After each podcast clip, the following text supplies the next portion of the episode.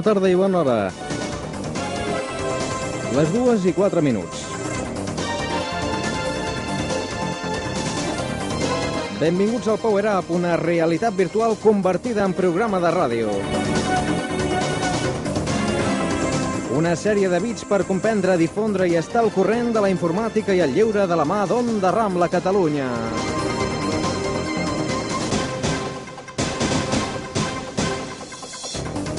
La ràdio continua sent aquell vehicle de comunicació ideal per la immediatesa, però si a més hi afegim internet, aleshores ja són paraules majors. És una de les universitats amb més projecció de futur. Les seves aules són immenses i reduïdes alhora. Amb el rector Gabriel Ferreter compartirem uns minuts tot parlant de la UOC, la Universitat Oberta de Catalunya.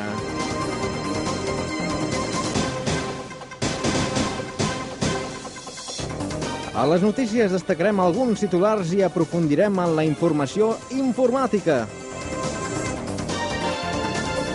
Sou d'aquells que us agrada practicar esport o només fer-ho a través de la pantalla? Si sou d'aquests últims, podreu recrear-vos amb NBA Gym Tournament Edition. I és si el que realment us, us interessa és en descarregar l'adrenalina, aleshores Iron and Blood Warriors of Ravenloft és el vostre joc. I finalment, amb les llistes d'èxits dels darrers dies, es consolidarà el nostre apartat del rànquing. A les dues i sis minuts d'aquest dissabte 16 de novembre, 10 graus aquí a la Diagonal de Barcelona, s'inicia, comença el Power Up. Power Up.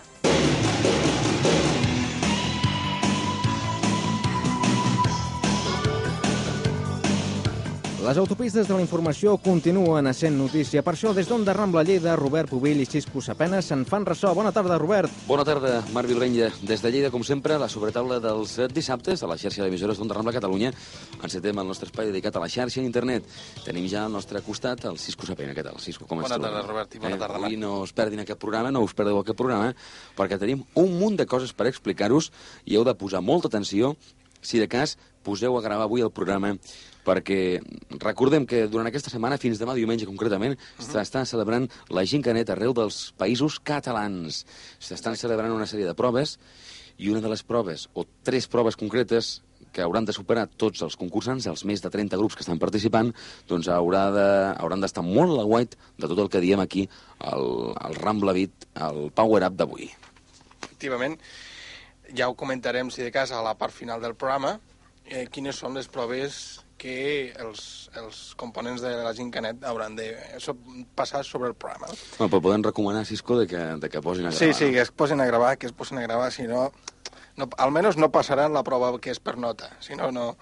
De totes maneres, també, per cert, Robert, eh, de, avui torno a portar-te més coses. Ja sé que t'agraden molts gossos, n'he trobat una altra, una altra adreça dintre la xarxa, que com, com a mínim ja sent un gossos desperdigats. Això és una pel·lícula? Sí, És una pel·lícula, sent un gossos dàlmates. efectivament. La pel·lícula de Walt Disney. La pel·lícula de Walt Disney. Doncs resulta que Walt Disney està preparant la versió humana, no de dibuixos animats, de Sent un dàlmates, i no podia ser menys que, que per despe de, despertar una mica l'expectació de la gent, ja ha obert el seu web dintre la pròpia xarxa, a més, com sempre, que intentem portar l'adreça en aquest programa, una adreça super senzilla. A veure si ho pots endevinar, Robert, perquè ja sé que normalment no endevines gaire les meves adreces. Ja m'imagino que és una adreça comercial Sí, un punt com, efectivament. i 101, serà, no? Sí, 101. sento. L'adreça és concretament http barra barra www.centu.com Punt com. És a dir, que tenim més animals desperdigats. Desperdigats Per per, la la xarxa, xarxa. efectivament. No? Bueno, molt bé, una bona notícia. Uh -huh. I a més, eh, Robert, escolta, no, desperta, ostres, sempre estàs a la lluna. Sí, en aquesta hora de la tarda Aquesta la hora- taula és dolenta. Eh? Sí, sí, ja, ja, ja torna després Però de dinar. el que passa que estic cansat d'estar a la lluna. Sí, Em pots recomanar, no sé, Sí, sí, doncs tinc una adreça per tu. Tailàndia... No, no, no, no, Tailàndia no precisament, però eh, te puc portar a un altre planeta. a un altre planeta. A un altre planeta. Pues, suposo que ja saps que la NASA està doncs, preparant una miqueta nous viatges cap a Mart per preparar el poder tindre... Els, Més dades. Més dades per fer unes futures colònies a, a Mart. Doncs, evidentment, la NASA sempre, últimament, el que està fent cada vegada que hi ha alguna missió, fica eh, coses noves als seus webs i concretament amb aquest trobareu tota la informació que tu necessites per no estar tan a la Lluna i que almenys te puguis anar cap a Mart Per variar. per variar, exacte. L'adreça és http www.jpl.nasa.gov. Repeteixes, Robert? Perfecte, http dos punts barra barra www.jpl.nasa.gov. Aquesta és la- l'adreça. L'adreça de la NASA. De totes maneres, també podeu anar directament a la, a la seva pròpia web directa, és http www.nasa.gov, que segurament podreu trobar allà el Robert, que està sempre Perdut. perdut. Per cert, no havíem, no havíem, eh, no havíem parlat mai aquí al Power Up de la borsa. Sí, no, I avui n'hem de parlar. Avui n'hem de parlar, perquè eh, tothom... Eh, bueno, el- l'estrella d'aquesta setmana, eh, precisament amb, amb, amb tot el tema bursari, a que no endevines qui ha sigut. Telepizza, Telepizza, que ha efectivament. entrat a la borsa. ha entrat a la borsa i hem, creat, bueno, hem cregut adient doncs, portar al programa adreces de borses per poder veure una miqueta com són, efectivament. Llavors, les adreces, per exemple, si vols saber l'adreça de la borsa de Podríem Barcelona... dir les més importants. La de Barcelona, per Exacte, La de exemple. Barcelona, l'adreça és http dos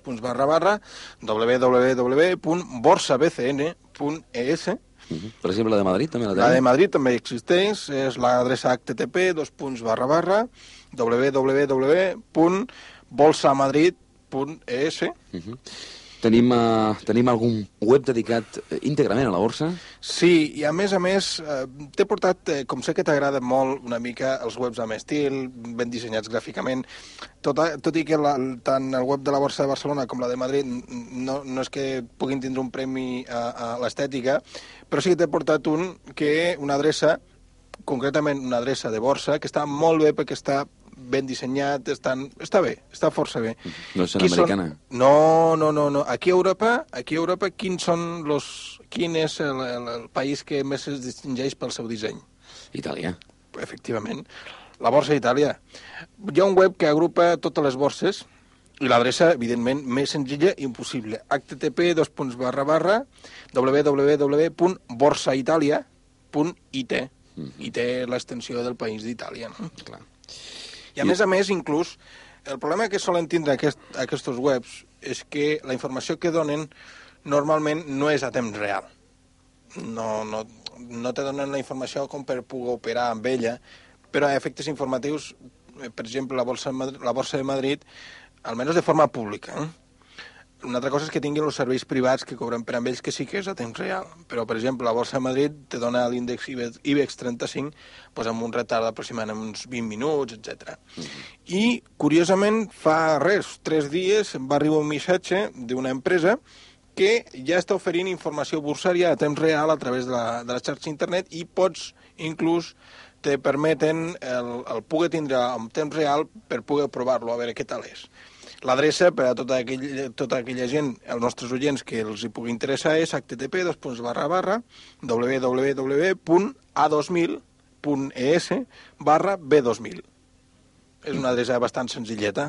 La repeteixes, si cas, Robert? Sí, és http dos punts barra barra www.a2000.es barra b2000. Sí, A temps reial. a temps real, informació bursària. Power Up, des de Onda Rambla Catalunya. Sega llença un nou servei d'emulació de les cònsoles Saturn a internet. Sí, aquesta és una notícia pels nostres companys que, bueno, que visiteu el web de Sega, és molt maco, però segurament molts dels nostres oients ja hauran donat una ulladeta. L'adreça és http Quin, quina mania amb els Ws, eh? Potser seria una de les proves de la gincaneta. Podria ser, podria podria ser, ser, podria ser. No diguem res, no diguem res. Repetim. http dos punts barra barra www.sega.com i allí podreu trobar informació de tot aquest tema. A més a més, podem parlar de truquis, no? Per exemple, Tu saps qui, quins, eh, hi ha molta gent que li agrada pues, tindre moltes cosetes dintre del seu desktop, o sigui, de la seva pantalleta, utilitats, etc, els peixos que van navegant, el Robert que va volant per la pantalla... Per exemple. Per exemple. I eh, tenim una altra... Francisco Rodremeu. Sí, sí. Portem una altra adreça que prometen que cada dia estaran donant un nou, un nou truquet de Windows 95 i, bueno, si voleu veure'ls cada dia, l'adreça és http www.visionx.com El protocol habitual, visionix.com. Exacte. Molt bé, tenim una bona notícia per eh, les persones que ens agraden les revistes, no sé com les podríem denominar, però de moda. De moda, sí. De moda. De moda. Eh, bueno, ja, ja comencen a haver-hi algunes, i concretament hi ha una d'origen americà que la veritat està bé, no, Robert? Jo sé que sempre li demanes a la teva xicota que te la compri perquè et fa vergonya. Sí, sí, sí, sí. Eh, Al propi M'has quiosco. descobert, eh? T'he descobert. Ara ja, ja veuràs com m'enxampi a l'acabar el programa. Vale, vale. Bé, No se li pot dir cap secret al No, Cisco. no, no se'n pot dir cap secret. Bé, l'adreça és http www.cosmomac.com Cosmopolitan. Exacte, és la revista Mo- Cosmopolitan, ja té la seva revista dintre del, de, de la xarxa internet. És molt maca, està força, força, força bé. I pues, tens allí pues, una miqueta un resum de, de tota la revista amb les recomanacions típiques per tots aquells que coneixen la revista Cosmopolitan de la seva tendència. Canviant de tema, hem de parlar de la Setmana de la Ciència. Sí, aquesta setmana hi ha hagut la Setmana de la Ciència, que s'ha també eh, bueno, s'ha desenvolupat a dintre de la pròpia xarxa i eh, la Fundació Catalana per la Recerca i el PIE van organitzar un concurs de webs escolars referents a temes científics i precisament ha guanyat una escola de, una escola d'aquí Lleida. Ha guanyat el primer premi? Exacte, el primer premi. I sobre una web sobre experiències de cultius in vitro, dirigida pel senyor Jordi Sanfeliu, una felicitació mm, des d'aquí, des de les xarxes emissores de Onda Rambla Catalunya, i és de l'Escola del Treball de Lleida. I mm, molt bé. Mm, Poden, podeu vos adreçar-vos a l'adreça http www.pie.es, que és el, el web de, del, del programa d'informàtica educativa de la Generalitat de Catalunya. Allí estan totes les webs que s'han presentat en concurs i les guanyadores. Fem una pausa. Fem una pausa i... Et sembla bé? Vinga, ens Us esperem, ens veurem potser després a l'aula internet. Us deixem amb el Marc, després en tornem-hi, podeu posar a la pausa, al rec play, eh? Exacte. I no oblideu de que, de que avui estem realitzant tres proves a través d'aquest programa en aquesta gincanet que s'està celebrant als països catalans i que acaba demà. Així que esteu molt a la guai, perquè tres de les preguntes que després desvetllarem en aquesta segona part de l'aula internet eh, haureu d'estar molt a la guai perquè, perquè puntuaran. Eh? Puntuaran. I poden I fer hi ha, guanyar, Hi ha una d'examen, eh? guanyador. Hi ha una de, hi ha una de 10. Ja ho veurem. A l'aula internet ens trobem, tornem a trobar. Doncs ens retrobarem a l'aula internet a la segona hora a partir de les 3 i 5 aproximadament, però ara cal dir una cosa a tots els nostres oients que ens estiguin sintonitzant. Recordeu que això és Onda Rambla Catalunya, que aquest és el programa Power Up, i que a la segona hora, a partir de 3 quarts de 3, més o menys, sobre les 14.45, com dirien els entesos, farem també una pregunta en relació al contingut d'aquest Power Up. A partir d'aquesta pregunta que nosaltres fem d'alguna cosa que haguem tractat doncs, en aquestes dues hores, podreu optar a guanyar un premi. És a dir, que eh, permanesqueu, eh, entre cometes, a l'escolta. Gràcies.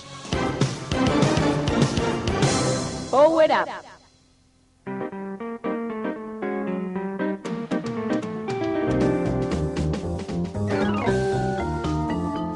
Avui a l'espai d'entrevistes del Power Up comptem amb la presència d'un rector. Per donar-los més pistes us posarem la sintonia.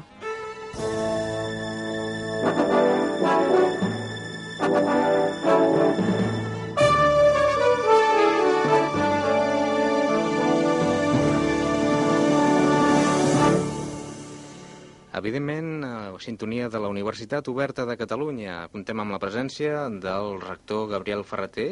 Bona tarda i bona hora. Bona tarda i bona hora també. El senyor Gabriel Ferreter és enginyer industrial, doctor en enginyeria industrial, va néixer a Reus el 3 de març de 1932. El 1958 fundà a Reus l'empresa Ciber, dedicada al disseny i la fabricació d'equips d'electrònica industrial. L'any 69 fou nomenat director de l'Escola Tècnica Superior d'Enginyers Industrials de Barcelona. El 1976 fou nomenat director general d'Universitats i Investigació i posteriorment director general de Política Científica. Des del 1978 fins al 1994 fou rector de la Universitat Politècnica de Catalunya i fou el 12 de juny de 1995 en què és nomenat rector de la Universitat Oberta de Catalunya. Eh, doctor Ferreter, el que ens agradaria saber a nosaltres i als oients és que la UOC ha començat a consolidar-se com un dels centres educatius més importants del nostre país. Actualment, en aquest segon curs en funcionament ja compta amb dues carreres noves. Dues de, que venen de l'any passat, que eren les de eh, psicopedagogia i empresarials, i aquest any hem començat dues de noves, amb els corresponents cursos pilot, que són dret i humanitats. En total, aquest any tindrem uns 1.500 estudiants. Per tant, enguany eh, són quatre les llicenciatures que imparteixen. Quatre. Es preveu, suposo, ampliar l'oferta. Sí, eh, tot això està bastant planificat perquè quan va ser l'aprovació el reconeixement d'aquesta llei en el Parlament de Catalunya hi havia tota la memòria que explicava el nostre procés d'expansió que porta a tenir en funcionament 11 carreres en el curs 2000-2001.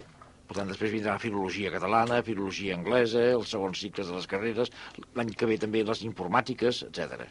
Quins criteris han emprat a l'hora d'escollir les titulacions?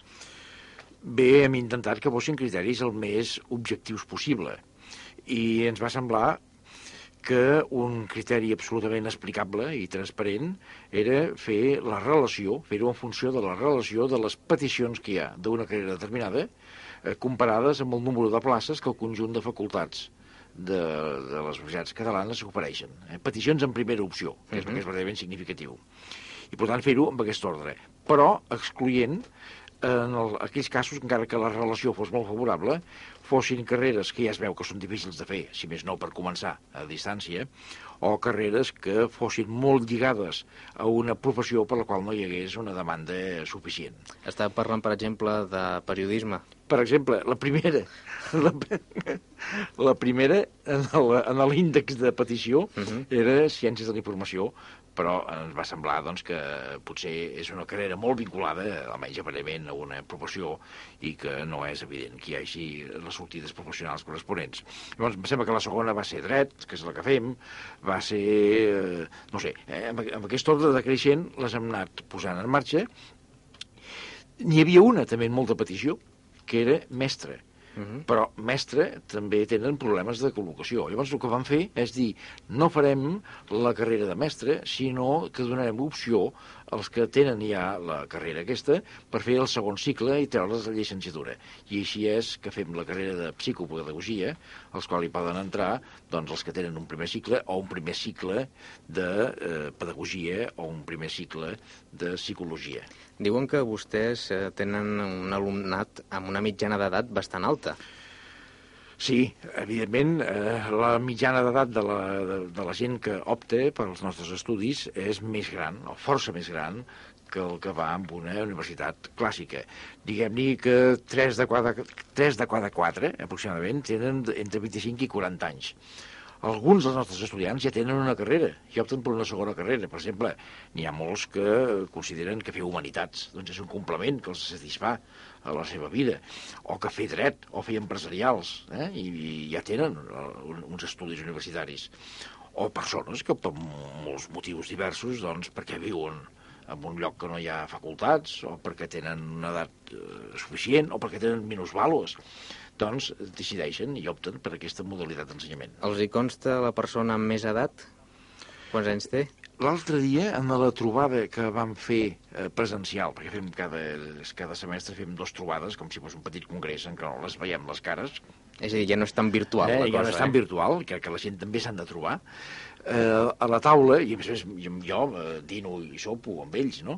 Hi havia un col·lega meu de taula, que era estudiant nostre, que tenia 65 anys, o, o 66, o, o 67. Déu-n'hi-do, déu nhi eh? I potser n'hi ha de més grans, vol dir, no ho sé. El curs passat, eh, vostès van, el curs passat vostès van fer una enquesta entre l'alumnat per saber com avaluaven el funcionament d'aquesta universitat. Quins foren els resultats d'aquesta enquesta? Bé, jo crec que van ser molt positius. De fet, eh, van fer una enquesta que tenia tres components.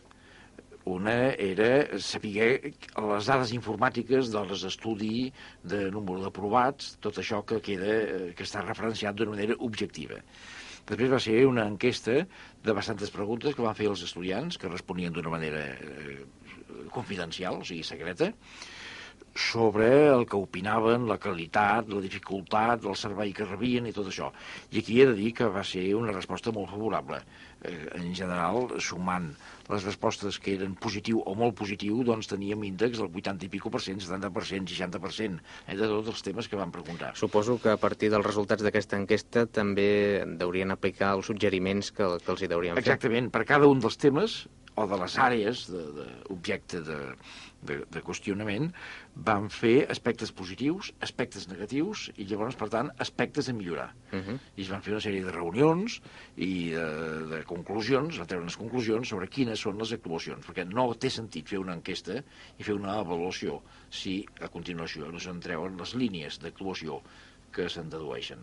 Una de les innovacions importants d'aquest curs és el nou campus virtual. En què difereix de l'anterior? Bé, ha, bàsicament hi ha una diferència. L'anterior teníem, d'una banda, el correu electrònic, eh, moltes possibilitats i molt variat, com a peça d'interconnexió entre les persones, més pàgines web com a elements d'informació que donava la institució.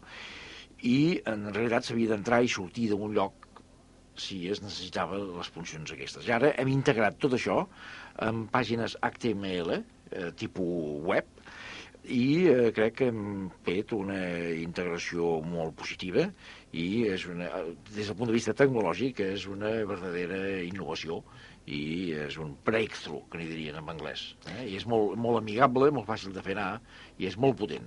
Com qualsevol altra universitat, vostès també tenen zones lúdiques. Bé, tenim el bar. Explica'ns tenim... això una mica del bar. En què consisteix? Bueno, el bar és un espai de debat en el qual eh, hi pots entrar, veure qui hi ha i entablar, establir una conversa amb ells a temps real, o sigui, de teclat a teclat. Eh? Uh -huh. Hola, Josep, què diu? Què fas? Doncs mira, estic aquí, com, què fas? Eh? I, i, i, i parlen de tot. El rector també s'hi passeja pel bar algunes, de tant Algunes vegades, algunes vegades, o a vegades inclús estàs dins del campus i algú, sents un cirulet o, o un llumet que s'encén, vol dir que algú t'ha convidat i si acceptes, doncs entres.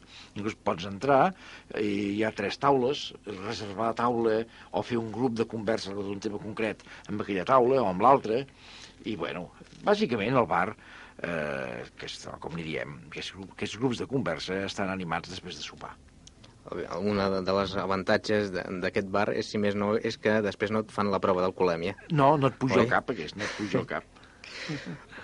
Com s'estructuren els cursos de, de la UOC? A veure, nosaltres fem... Tenim un model pedagògic que es basa essencialment en la utilització del que n'hi diem el campus virtual. El campus virtual permet trencar les barreres del temps i de l'espai, m'agrada dir a mi, per mitjà de la telemàtica. Vol dir que nosaltres logrem que cada estudiant, des de casa seva, puguin emetre a qualsevol hora del dia o de la nit missatges als seus companys o companyes o als professors i professores i que puguin rebre les contestes individualitzades i personalitzades que els hi dirigeixin en conseqüència en la seva pròpia bústia. Per tant, és un sistema interactiu, però en el qual els que hi participen no tenen per què estar presents en aquell moment, i que, per tant, dona una enorme flexibilitat i, al mateix temps, permet aquesta individualització. O sigui, cadascú rep el missatge, la pregunta o el dubte que ha tingut personalment. Fent una mica la caricatura, podríem dir que és una espècie de classe particular a distància. Per tant, els detractors que pugui haver-hi de, de la UOC doncs se'ls invaliden els arguments quan eh, diuen que no hi ha un seguiment de cada individualitzat, diguem. No, eh, no, no ho poden dir. Vull dir, molta, molta, molt sovint la gent que no coneix les coses doncs no pot avaluar o no pot apreciar les avantatges que tingui.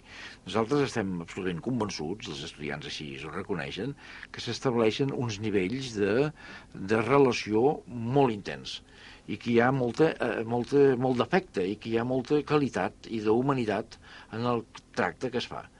Nosaltres hem intentat simular en aquest campus virtual totes les funcionalitats que hi ha en un campus real. Per tant, s'hi troba el bar, com hem dit fa un moment, però hi ha la sala de professors, hi ha el fòrum, hi ha els llocs de debat, hi ha el toler d'anuncis, en el qual els estudiants doncs, és molt divertit de, de veure-ho. Diu, compro o em venc una moto, busco un pis, llogo això, tinc una... Eh, tinc, busco una gosseta, o eh, tota mena d'anuncis. Després poden eh, entrar al quiosc i poden llegir l'avui, veure la programació de les ràdios i televisions, eh, veure, lle- llegir el Times o el, qualsevol de premsa de tot el món o els serveis de biblioteques. Tenim una biblioteca virtual molt poderosa, molt fàcil de fer anar, Que tinc entès, eh, perdó, eh, que fins i tot els no alumnes de la universitat tenen accés en aquesta biblioteca. També, també. O sigui, perquè, clar, de fet, nosaltres el que hem muntat és una espècie d'intranet. És com una internet pròpia per a la nostra comunitat. Per tant, no està saturada. Aquesta és el gran avantatge. Ara, quan, evidentment, la nostra intranet ha d'anar a buscar informació que està a fora, doncs, sense que ni se'n preocupi l'usuari, automàticament surt i se'n va a Nova York o se'n va a Tòquio, vol dir, a buscar la corresponent informació. Precisament vostè fa pocs dies ha tornat eh, del Japó. Ah, és veritat. Bé, allí des de l'hotel em vaig connectar, vaig entrar al bar, vaig estar discutint amb la gent, vaig enviar missatges... Ja no li preguntarem quants diners es va gastar amb telèfons perquè m'ha dit abans que forces. Força, força. Perquè, clar, allí no teníem convenis especials amb Telefònica ni teníem infovies. Quina és la mitjana de connexió en quant a temps dels estudiants? Més o menys és un, uns 15 minuts el, diaris, eh, com a mitjana. N'hi ha que hi dediquen molt més temps, n'hi ha que hi dediquen menys, però déu-n'hi-do, eh? Nosaltres tenim estadístiques bastant completes, canvia més o menys al llarg del, del curs. Al començament potser s'hi connecten més, perquè tenen menys pràctica, després ja van més per feina. I el procés per matricular-se El procés normal per matricular-se és també des del domicili. La primera matrícula es fa presencialment, el primer cop, perquè és molt important que l'estudiant es matriculi en presència del seu tutor. I llavors es, es troben, ja es coneixen, es coneixen, es veuen les cares, i l'objectiu del tutor és fer-li una sèrie de preguntes, saber quin temps lliure té, evitar que es matriculi de moltes coses, a vegades són molt optimistes i, i, i creuen doncs, que poden fer més matèries de les que corresponen al temps de què disposen, etc. Ara, a partir de la primera matrícula ja ho poden fer des de casa amb l'assessorament també telemàtic del seu tutor. Per tant, els estalvien una sèrie de burocràcia important. Oh, I tant, i tant, per exemple. També em poden enviar cartes a qualsevol hora del dia o de la nit durant tot l'any. Hem de dir també que qualsevol persona que estigui interessada en conèixer una miqueta més la UOC, la Universitat Oberta de Catalunya, pot telefonar al telèfon 902 141 141, que suposo que allà els atendran perfectament. Espero que els tinguin bé. En general diuen que sí. Si no, que li enviïn un, un missatge que electrònic, sí, eh? Exactament. Necessitem ser experts en informàtica per estudiar-hi o no? Jo li preguntaria, vostè necessita ser expert en mecànica per fer conduir, per conduir un cotxe? Eh que no? No, no, doncs, el mateix. Una cosa és saber informàtica i l'altra és ser capaç de teclejar suficientment un computador per accedir a les funcions que aquell eh, computador permet fer. I, per tant, amb una certa pràctica, al cap de 15 dies ja no en parlen de les dificultats Suposo, allà. suposo que més que res per això mateix, doncs, eh, les assignatures d'anglès i multimèdia són obligatòries. Són obligatòries no únicament per això, sinó perquè estem que forma part avui en dia una mica de la cultura general, però també voldria dir una cosa, tingui en compte que nosaltres, eh, una característica diferent que tenim d'altres universitats, és que matriculem els nostres estudiants dos mesos, almenys dos mesos abans de començar el curs. Vol dir que abans del primer d'any, del primer de curs, sabem quins estudiants tenim i ells saben que ja són estudiants nostres. Tenen dos mesos o dos mesos i mig per comprar-se l'ordinador, per si no tenen ni idea d'informàtica, fer una mica de curset, que nosaltres els hi facilitem, per eh, comprar el mòdem i connectar-se a la línia telefònica. Bé, eh, jo crec que una mica d'organització també facilita que les coses puguin funcionar millor. Suposo que molts dels nostres oients es pregunten si el nivell d'exigència de la UOC és equiparable a la de les universitats presencials. és completament equiparable. El que passa que, de moment, el que sí que puc dir és que hem tingut un rendiment força elevat. O sigui, potser perquè la, els nostres estudiants hi han abocat, hi han dedicat moltes hores, i han estudiat força.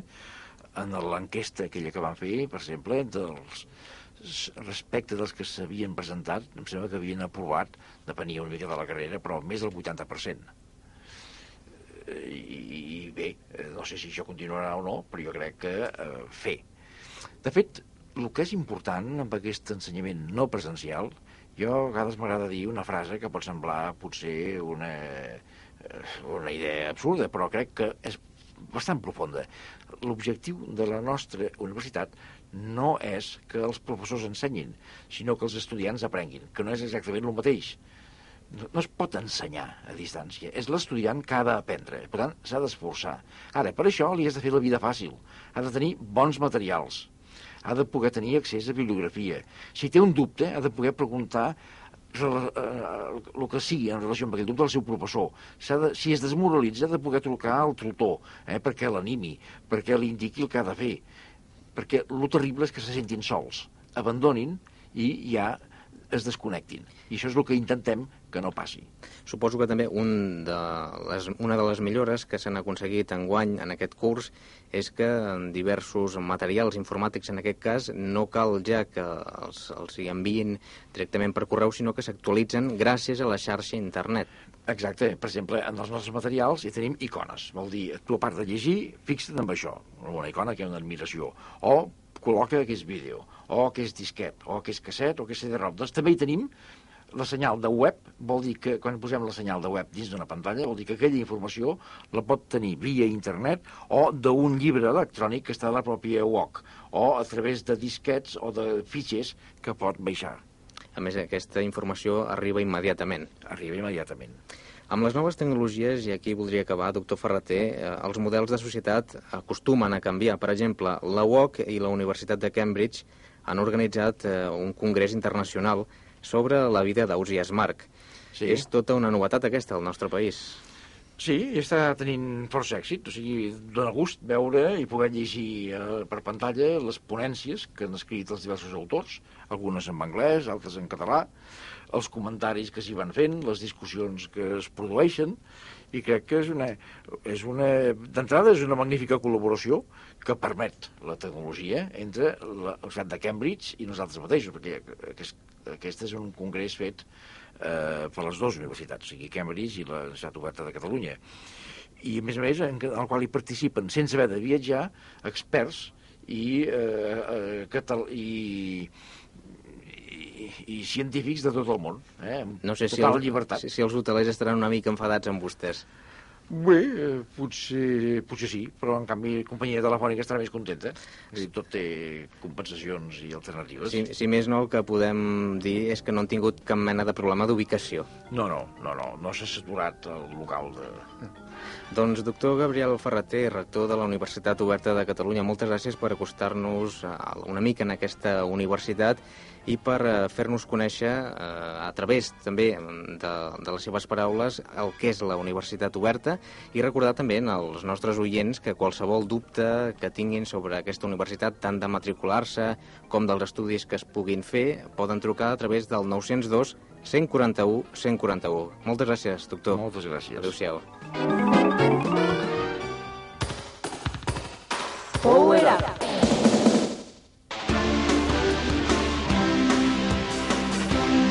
Passen ara mateix 8 minuts de dos quarts de 3 de la tarda. Seguiu en viu i en directe en el Power Up d'Onda Rambla, Catalunya.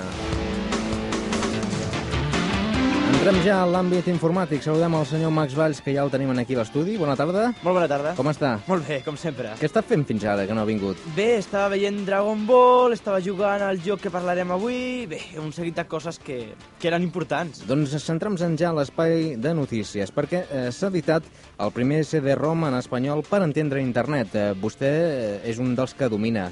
Home, jo navego ja amb tabla d'aquestes de surf. Bé, ja faig filigranes, no? De tota Passo manera- per l'ull de, la, de la ona i tot per internet. De tota manera, aquest és un uh, programa que, sens dubte, pot ser molt avantatjós per a aquelles persones que encara no dominin aquesta tècnica d'internet. I per uh, aprofundir una mica més en aquest tema, tenim a l'altra banda del fil telefònic, des de Madrid, el senyor Adrián Moure, que és de l'empresa SEI de Madrid. Eh, buenas tardes. Buenas tardes, buenas tardes a todos. ¿Cómo está? Pues perfectamente, estupendo. Esta iniciativa pretende ayudar a divulgar y facilitar el uso de Internet.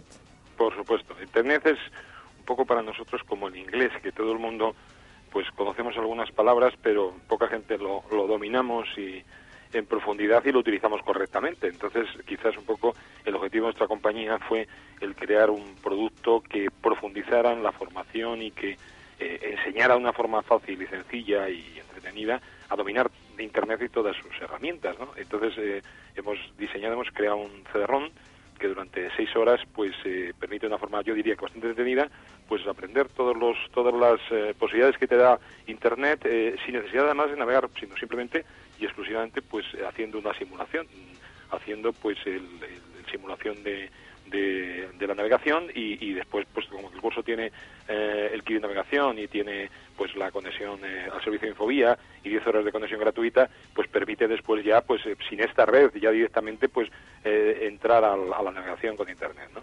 ¿Y este curso es interactivo? Sí, sí, absolutamente interactivo y multimedia. Además, yo diría que es, es un poco el, el, el éxito, en fin, yo, si, si, si me permitís, es un poco el éxito en el sentido de lo poquito que, que todavía, porque vamos a empezar a comercializarlo, y, y es éxito en el sentido de que es, divertido. Generalmente la, formación suele ser árida a estos niveles y, es absolutamente interactivo, te permite, eh, lleva de hecho el score, lleva la puntuación de cada uno de los miembros de la familia y, vas, vas entrando, va aprendiendo, te va llevando paso a paso, te hace, eh, te hace mm, te mm, presenta eh, mm, trabajos que tienes que hacer y que tienes que hacer, por supuesto, interactivamente con la máquina. Es, es absolutamente interactivo, es un producto eh, interactivo y, por supuesto, multimedia y son un par de personajes que durante todo el recorrido pues te van enseñando y te van haciendo manejar y además te permite un poco eh, pues eh, hacer a, a tener ayudas hemos preparado mil direcciones de bookmark mil páginas te permiten pues eh, eh, entrar a, mil direcciones curiosas e interesantes de, de toda la, red ¿no?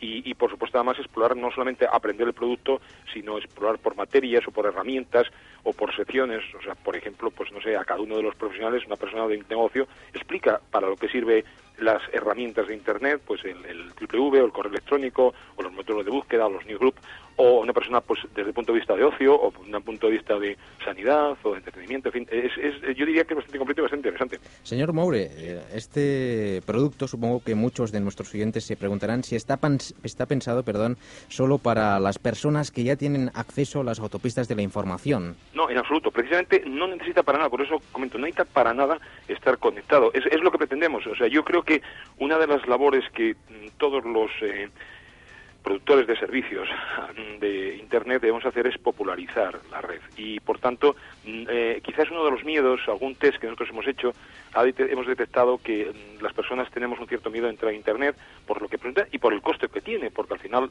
pues si no se sabe, pues uno se conecta a un móvil y a un teléfono y eso cuesta dinero. Entonces nosotros lo que hemos, lo que pensamos, lo que quisimos fue precisamente un producto que no tuviera este miedo, o sea, decir, navegar sin red. O sea, uno está simulando perfectamente la navegación y sin embargo no está conectado simplemente a que su propia máquina. Está trabajando en local y luego después, si uno quiere eh, precisamente practicar todo lo que ha aprendido en el curso, pues lo que tiene que hacer es mm, conectarse a nuestro servidor y aprovechar esas 10 horas de conexión gratuita que nosotros damos.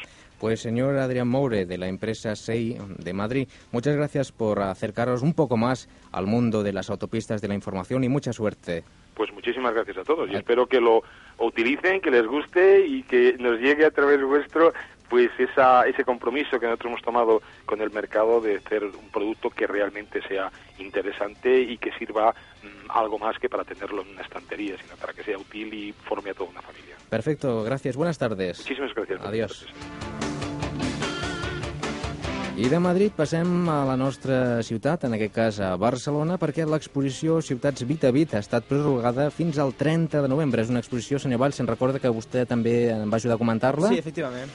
Doncs ara, com que ha estat prorrogada, ens interessa aprofundir una mica més per la gent que encara no l'hagi visitada, doncs que tingui doncs, més referències, un ventall de possibilitats a l'hora d'entrar-hi. I per això parlem amb la senyora Teresa Serra, que és responsable tècnica d'Internet a l'Ajuntament de Barcelona i coordinadora tècnica d'aquesta exposició. Bona tarda. Ah, bona tarda. Aquesta exposició neix fruit d'una iniciativa de la ciutat d'Estocolm, no? Sí, exactament. La ciutat d'Estocolm, a principis d'aquest any, va llançar un repte a totes les altres ciutats europees mm, per veure quina de, de les ciutats europees que estaven al repte estaven més avançades amb el temps de la societat de la informació. Aleshores, aquí Barcelona es va apuntar de seguida i vam organitzar unes conferències a principis d'octubre i en paral·lel a les conferències vam iniciar aquesta exposició perquè tot aquest nou món i aquestes iniciatives tinguessin més ressò de cara al ciutadà de Barcelona. Què és el que hi trobem? Perdó? Què, què, és el que hi trobem? En aquesta exposició. Uh -huh. En aquesta exposició, a veure, el que hi ha és un itinerari amb sis àmbits diferents on es pot entrar en contacte amb totes les enormes possibilitats que ens ofereix eh, des d'ara un teclat i una pantalla d'ordinador. Aleshores, l'exposició està, com he dit, dividida en sis àmbits, que és, diguéssim, l'àmbit de la casa, l'àmbit on hi ha de l'empresa, l'àmbit de l'estudiant, una, diguéssim, una oficina d'informació turística, un centre cívic i una administració. Són els àmbits en els quals el ciutadà està acostumat a conviure. Barcelona està al nivell tecnològic d'altres ciutats europees? Jo crec que sí. A nivell tecnològic mm, estem bastant avançats. Potser amb el, al nivell del cable hi ha ciutats nòrdiques que estan més avançades que nosaltres, però en quant a continguts i a serveis que donem als ciutadans estem molt avançats. L'exposició va comptar en un principi amb la, amb la complementació de grups de treball i també una taula rodona, és així? Sí, o, o sigui, tal com deia abans, a partir de l'iniciativa d'Estocolm, Barcelona va acceptar el repte aquest eh, que llançava aquesta ciutat i vam organitzar unes conferències que es van desenvolupar el dia 7, 8 i 9 d'octubre aquí a l'Ajuntament, on van venir eh, al redor d'unes 350 persones europees per exposar els projectes de les diferents ciutats. En total es presentaven 25 ciutats amb uns 108 projectes diferents que es van exposar durant aquests dies. Al mateix temps també va haver una taula rodona on va participar gent eh, americana i gent europea de la indústria i del sector públic, una mica explicant el que era l'oferta i la demanda en tot aquest camp de la societat de la informació. Senyora Teresa Serra, abans de finalitzar aquesta entrevista m'agradaria que en recordés per a tots els oients d'Onda Rambla Catalunya la gent que estigui connectada a internet i vulgui visitar-la virtualment, aquesta exposició, quina adreça han de posar? L'adreça de l'exposició és uh, bitabit, bit, bit, bit, bitabit, punt bcn, de Barcelona, punt es, o sigui, bitabit.bcn.es. Perfecte, doncs eh, Teresa Serra, responsable tècnica d'Internet a l'Ajuntament de Barcelona i coordinadora tècnica d'aquesta exposició Ciutats en Bit a Bit, moltes gràcies per acostar-se als micròfons d'Onda Rambla. Val, moltes gràcies a vosaltres. Adéu-siau. Adéu, bona tarda. I què et sembla, Marc, si ara parlem o escoltem una música? Doncs em sembla perfecte. Un dels jocs eh, més espectaculars de bàsquet, NBA Jam, ens acosta una remesa de melodies adients per jugar a aquest esport. Escoltem-ne una. Si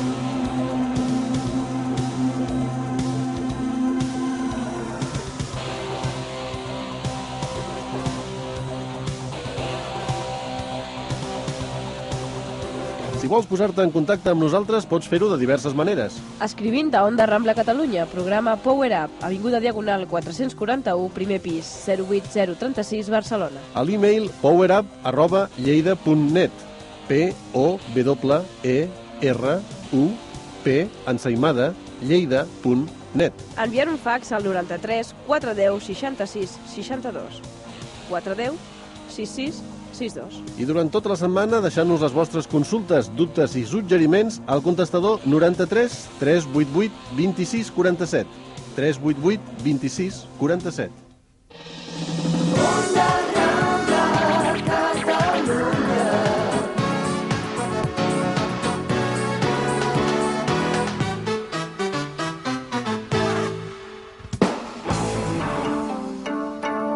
I ara sí, entrem a la secció més lúdica del Power Up.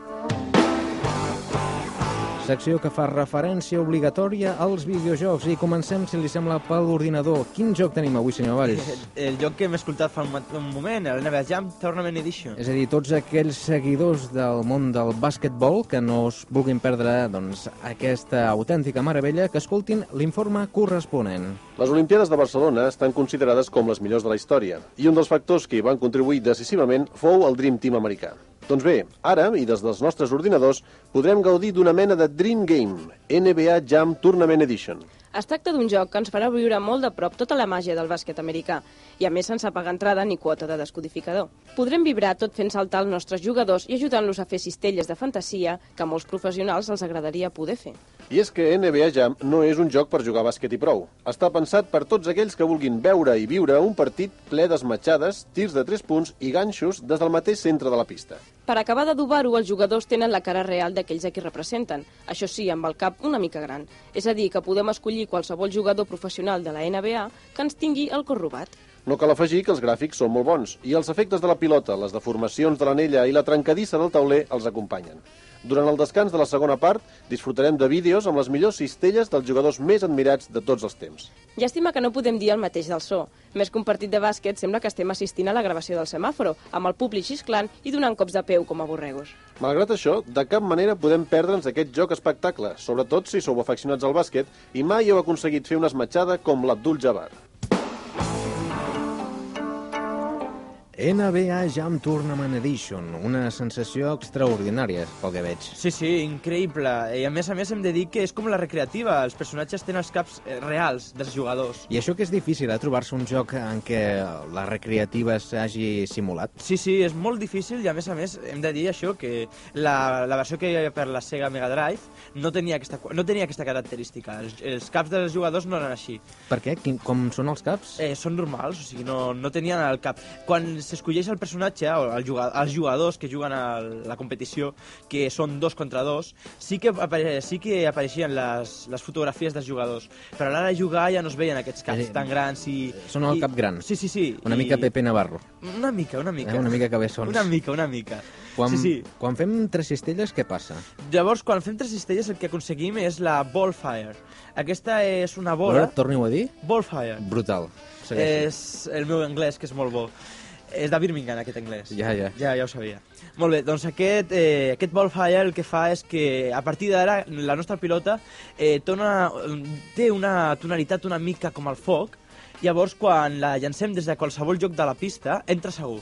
Bé, és molt difícil que no entri, de vegades no entra, eh?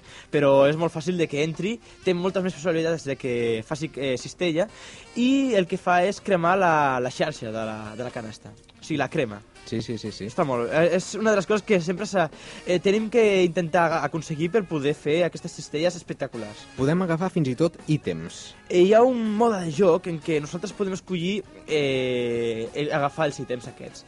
Aquests ítems va des del turbo infinit, eh, des de que comencem a jugar fins que eh, ens caiguem o hi ha alguna cosa d'aquestes que ens fa perdre aquest ítem, però bé, serveix per això, per tenir turbo tota l'estona, per poder fer unes esmaixades bestials. Jo he fet una esmatxada des de... O sigui, és eh, treure la pilota des de la meva banda i no, només agafar-la i ja fer la canasta. Ja Sí, m'impressiona sí, això, o sigui, eh? fer un salt que és a l'estilo Rambo, Sí. saltar des de punta a punta de, de la pista i fer I canasta. que al final no senti les pernes. Sí, sí, sí, home, no, Ja. no m'estranyaria gens. Diuen que aquest també és un joc en què el sentit de l'humor hi és present. Sí, és, hi, ha una, hi ha una part del joc, bé, una part, és molt difícil d'aconseguir, o sigui, jo ho he aconseguit dues vegades i encara no sé com ho he fet, eh, que és que hi ha vegades quan fem una esmaixada d'aquestes impressionants que trenquem el, el taulell de la, de la canasta. El trenquem, o sigui, queda fet boci- bocinets. I en quant a la música i els efectes de so, què m'ha de dir? És el pitjor del joc. És el pitjor? Sí, ja m'ho he escoltat l'informe i ara ho tornem a dir perquè veritablement mm, no, no direm res perquè és un programa que la gent es mereix un vocabulari normal, però bé, el, hem de dir que és molt dolent, el so, o sigui, i quan fes una canasta dius, s'escolta, oh! i quan falles, oh! O sigui, no té un soroll d'aquest de dir, doncs sí, sembla que, està, que sigui el públic, no? El FIFA, per exemple, el FIFA 96, el 97, que també està a punt de sortir, tots aquests, quan el públic està xisclant, d'acord que moltes vegades és el mateix que ho repeteixen, però hi ha varietat, no sempre és el mateix. Per això eh, el joc tindria molt bona puntuació, però per, eh, per el so i per la música no estem 83. Aquest era el joc d'ordinador i ara anem pel de consola. I el de consola fa referència a l'Iron and Blood i escoltem aquest informe. No és fàcil trobar bons jocs de rol per a consoles, i tampoc ho és trobar bons jocs de lluita. Però en aquest cas que ens ocupa avui, el rol i la lluita s'agermanen en un binomi en forma de disc compacte per la PlayStation. Estem parlant d'Iron and Blood, Warriors of Ravenloft. Malgrat el títol ens parli de ferro i sang, es tracta d'un joc de sang i fetge.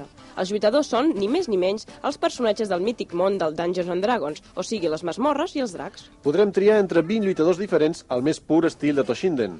Per tant, aquells de vosaltres que sigueu uns cagadubtes, teniu per estona tot provant una i altra bèstia de l'arena, fins que trobem aquella personalitat que més s'aproximi al nostre tarannà violent. De tota manera, sempre hi haurà algun inconformista que no trobarà el motllo de la seva sabata.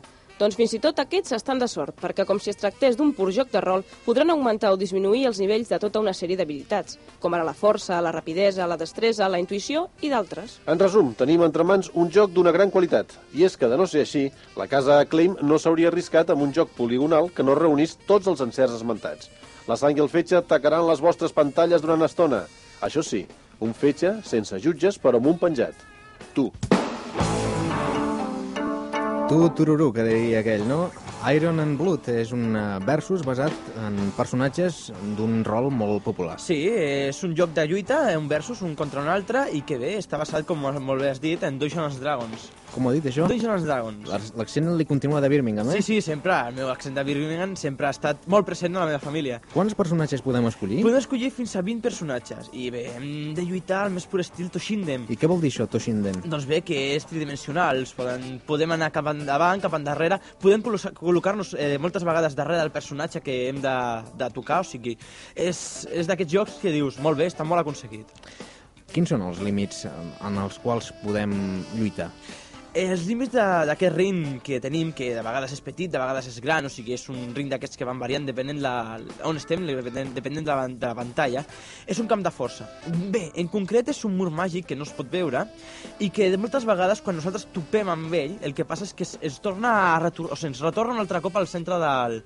ens rebota, no? I ens Sí. retorna un altre cop al centre del ring. De vegades eh, sempre tens la, la facilitat no? d'anar-te cap endarrere perquè no et donin, no? Llavors aquest mur màgic que està col·locat a, a, tot el canto, a tots els cantons de la- d'aquest ring, llavors et torna un altre cop cap on està el, el contrincant i et donen, no? O sigui que hem d'anar una mica en compte amb això. Potser una de les altres coses que també destaca és que durant el joc apareixen objectes màgics. Sí, ja apareixen objectes màgics i que ens fan tenir una mica de privilegis contra els nostres contrincants. O sigui, de vegades ens va bé que tenir una mica més de màgia per poder fer algun atac especial. I altres vegades doncs, es pot de- donar una mena de- d'escut, no?, que farà que encara que ens donin els contrincants no ens facin tant de, tant de mal.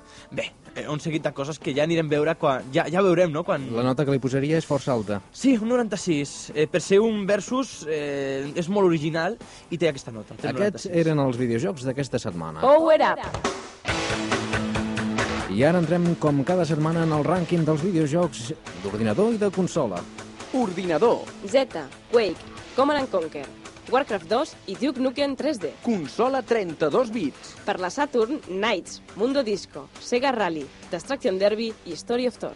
Per la PlayStation, Dragon Ball Z Ultimate 22, Time Commando, Street Fighter Alpha, Resident Evil i Ridge Racer Revolution. consola 16 bits, Per la Mega Drive, Bugs Bunny in Double Trouble, Olympic Summer Games, Arcade Classics i Toy Story. Per la Super Nintendo, Secret of Evermore, Donkey Kong Country 2, Toy Story i International Superstar Soccer. consola portàtil, Per la Game Gear, Baku Baku Animal, Sonic Labyrinth, El Rei León i Earthworm Jim.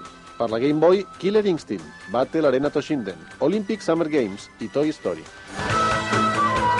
Ara ha arribat el moment d'escoltar l'últim tema musical d'aquesta primera hora del Power Up, senyor Valls. Eh, Rio Saeva i la seva trup tornen amb una cançó, però amb molta força, i que és de la pel·lícula The Secret Service.